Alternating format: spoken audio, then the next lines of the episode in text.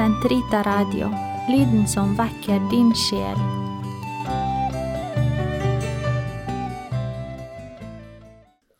Den katolske kirkes katekisme, uke 23, søndag, paragraf 27-29 til 27-37.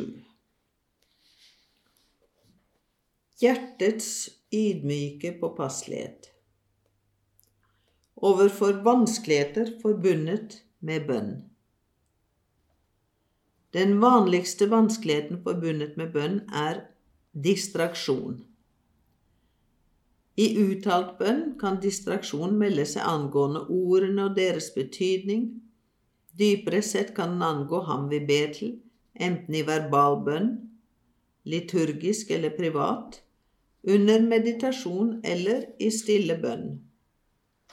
Å forsøke å jage distraksjonene på dør er å gå i den felle de stiller for oss.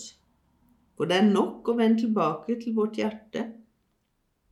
En distraksjon viser oss hva vi er opptatt av, og slik ydmyk bevisstgjøring i Herrens nærvær bør styrke oss til enda større kjærlighet til Ham ved at vi skjenker Ham vårt hjerte slik at Han kan rense det. Det er nemlig det kampen gjelder å velge hvilken herre vi vil tjene.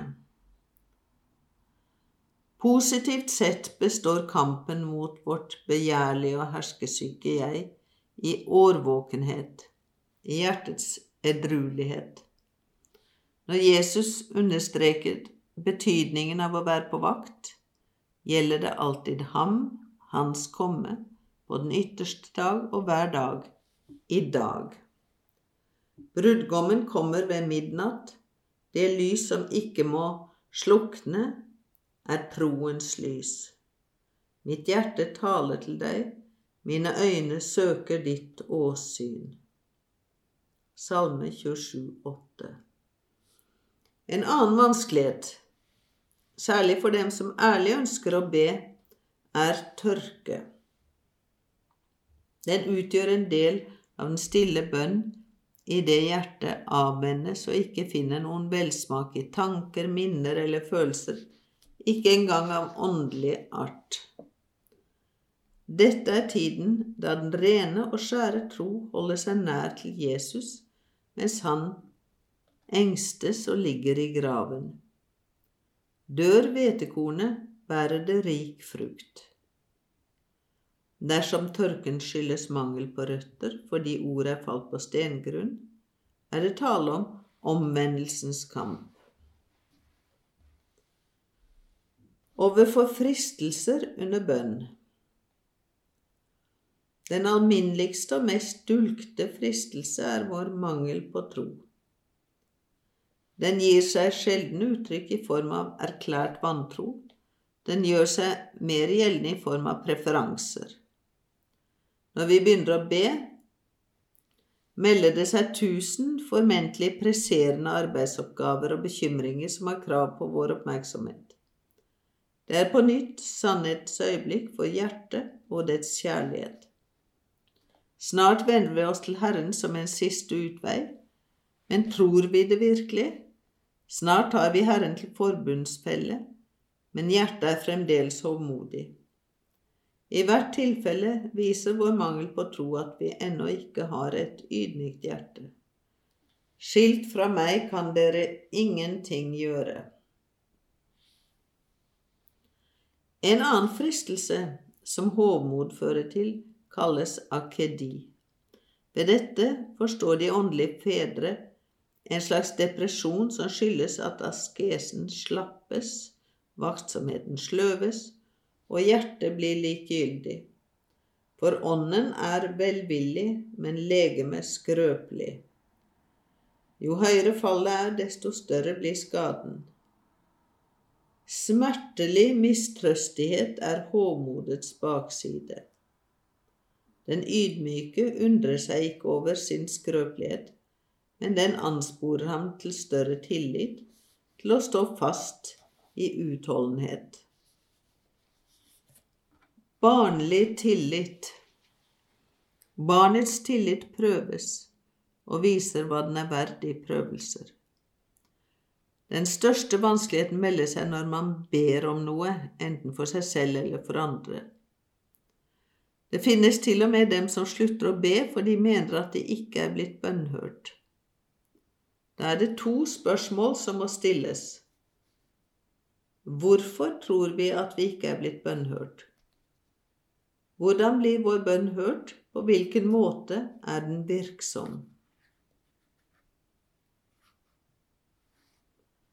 Hvorfor klage over at vi ikke blir bønnhørt? Først en kjensgjerning som er egnet til å forundre.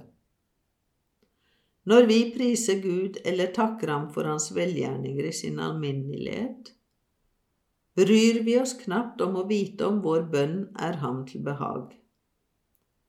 Men på den annen side krever vi at resultatet av det vi ber om, krever vi å se resultatet av det vi ber om. Hvilket gudsbilde er det da som ligger til grunn for vår bønn?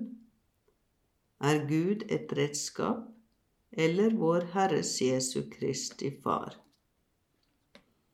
Tror vi virkelig at selv vet vi ikke å be slik vi burde? Ber vi Gud om høvelige goder? Vår Far vet hva vi trenger, enda før vi har bedt om det. Men han venter til vi ber om det, for hans barns verdighet ligger i deres frihet. Vi må be med Hans frihetsånd, slik at vi i sannhet kan lære Hans vilje å kjenne. Dere får ikke fordi dere ikke ber, og dere ber, men får ikke fordi dere ber galt, for å kunne bruke penger til å tilfredsstille deres lyster. Jakob 4, 2-3. Ber vi med et delt, et troløst hjerte, kan ikke Gud bønnhøre oss, for Han vil vårt beste, at vi skal leve. Eller tror dere at det er tomme ord når Skriften sier, for seg alene krever Gud den ånd Han har latt bo i oss. Vår Gud er nidkjær hva oss angår, noe som er tegn på at Hans kjærlighet er ekte.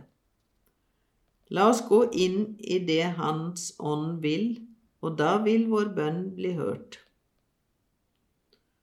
Du skal ikke uroe deg selv om du ikke med en gang får fra Gud det du ber om. Det skyldes at Han vil deg enda mer vel ved å få deg til å holde ut og være sammen med ham i bønn. Han vil at våre begjæringer skal prøves i bønn. Slik gjør han oss skikket til å ta imot det Han er rede til å gi oss.